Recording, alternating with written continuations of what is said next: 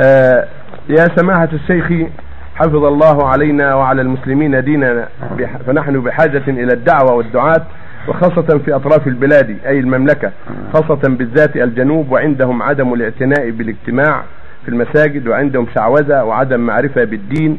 لقد لاحظنا أنهم يصلون السنة قبل الفجر وبعده وما ذلك إلا لعدم العلم بذلك. والمعرفة نرجو ثم نرجو من الله ثم من سماحتكم الحث على على بحث الدعاة وجزاكم الله ويحفظكم الله. إلى آخره. هذا الدعاة بحمد الله عندهم نشاط في هذا. وهم يوجهون ويحرصون على هذا الخير في الجنوب والشمال. ولا شك إن الجهل موجود لكن نسأل الله أن يعين الدعاة على أداء الواجب وأن يعين العامة على التفقه وطلب العلم والسؤال عما أشكل عليهم وأن يعينهم أيضا على حضور النصائح واستماع الفوائد. بعض الناس يسمع الفائدة والحلق والندوة والخطبة والمحاضرة ولا يحضرها. يأبى ان يحضرها ويستمع. نسأل الله يوفق المسلمين حتى يحضروا حلقات العلم وحتى يفرحوا بالندوات والمحاضرات في أي مكان حتى يطلبوها ويحضروها ويستفيدوا. وهنا وأنا قلت لكم كم مرة وأنصح وأكرر أن إذاعة القرآن فيها فوائد. يعرفها ويقرأها ويسمعها اللي في الجنوب واللي في الشمال واللي في خارج المملكة. برنامج نور على الدرب. وإذاعة القرآن هذه حلقات علم يستفيد منها كل من سمعها سواء كان في داخل المملكة أو في خارجها. فأنا أوصي اللي يحب الخير ويريد الخير أن يتبع حلقات العلم أينما كانت وأن يحضرها ويطلب العلم وأن يسمع هذا البرنامج. برنامج نور على الدرب في إذاعة القرآن في خير كثير ويقيم في عدة من العلماء والأخيار في بين المغرب بين المغرب والعشاء في نداء الإسلام وفي الساعة التاسعة والنصف ليلا من كل ليلة. من إذاعة القرآن. فأنا أكرر وأوصي للحاضرين وغيرهم أن يوصوا غيرهم بأن يستفيدوا من هذا البرنامج وأن يستفيدوا من حلقات العلم في كل مكان في الرياض وفي غيرها. إذا سمع سمعوا أن هناك ندوة في مسجد كذا في حارة كذا يذهبوا إليها يسمعونها يستفيدون منها من أهل العلم في الدمام في الأحساء في بريدة في حايل في أبها في خميس مشيط في في أي مكان وهكذا في خارج البلاد. في الندوات التي تكون في خارج البلاد عند العلماء المعروفين في مصر أو في الشام أو في غير ذلك. هكذا يكون طالب العلم.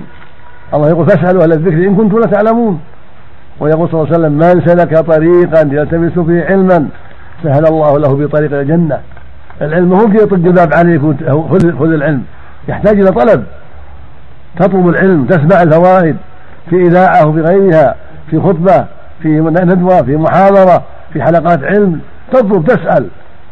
الرسول يقول من سلك طريقا؟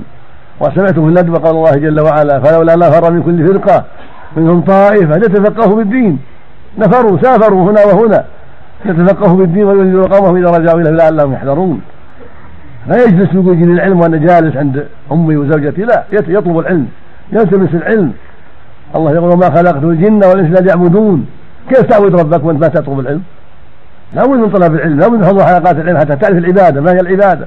ألا أنت مخلوق لها مأمور بها من توحيد الله والإخلاص له والصلاة والصوم والحقوق الأخرى التي عليك لله ولعباده. فلا بد أن تطلب هذا العلم. وحديث آخر في الصحيحين يقول صلى الله عليه وسلم من يريد الله به خيرا يفقهه في الدين. هذا الحديث العظيم. من يريد الله به خيرا يفقهه في الدين. معنى هذا الحديث أن الذي ما أراد الله بخير ما يتفقه في الدين. هذا معنى الحديث مفهومه مفهومه أن المعرض الغافل ما يهتم معناه أن الله ما أراد بخير نسأل الله العافية. أما الذي يطلب العلم ويتفقه في الدين ويسأل ويحضر ندوات العلم ويسأل العلماء ويسمع أيضا ما يذاع فيما يتعلق بالعلم هذا يريد يطلب العلم ومن طلبه وجده. وعندكم القرآن أعظم أعظم كتاب وأشرف كتاب. عندكم القرآن اسمعوه تدبروه. ممن يقرأه من إخوانكم خلوا يقرأ جلستم في المجلس بدل السوالف اللي ما فيها ثمرة. اقرأ فلان ثم من القرآن. صفحة من القرآن اقرأ قد نسمع اسمعوا. اسمعوا وعوا وتدبروا واعملوا. هذه هذه إذاعة القرآن عندكم. تذاع فيها يذاع فيها القرآن بأصوات متنوعة. بقراءة متنوعة بأصوات طيبة بقراءة مجودة. اسمعوا.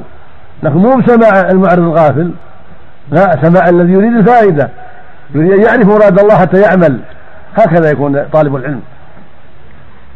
فالذي يريد الخير ويريد الفقه في الدين ويريد السعادة عليه بطلب العلم. نعم. وحضور حلقات العلم وسماع العلم وسماع القرآن تدبر القرآن. يقرأه بنفسه أو يسمعه من أخيه في المسجد أو في الإذاعة أو في أي مكان. هكذا يكون طالب العلم.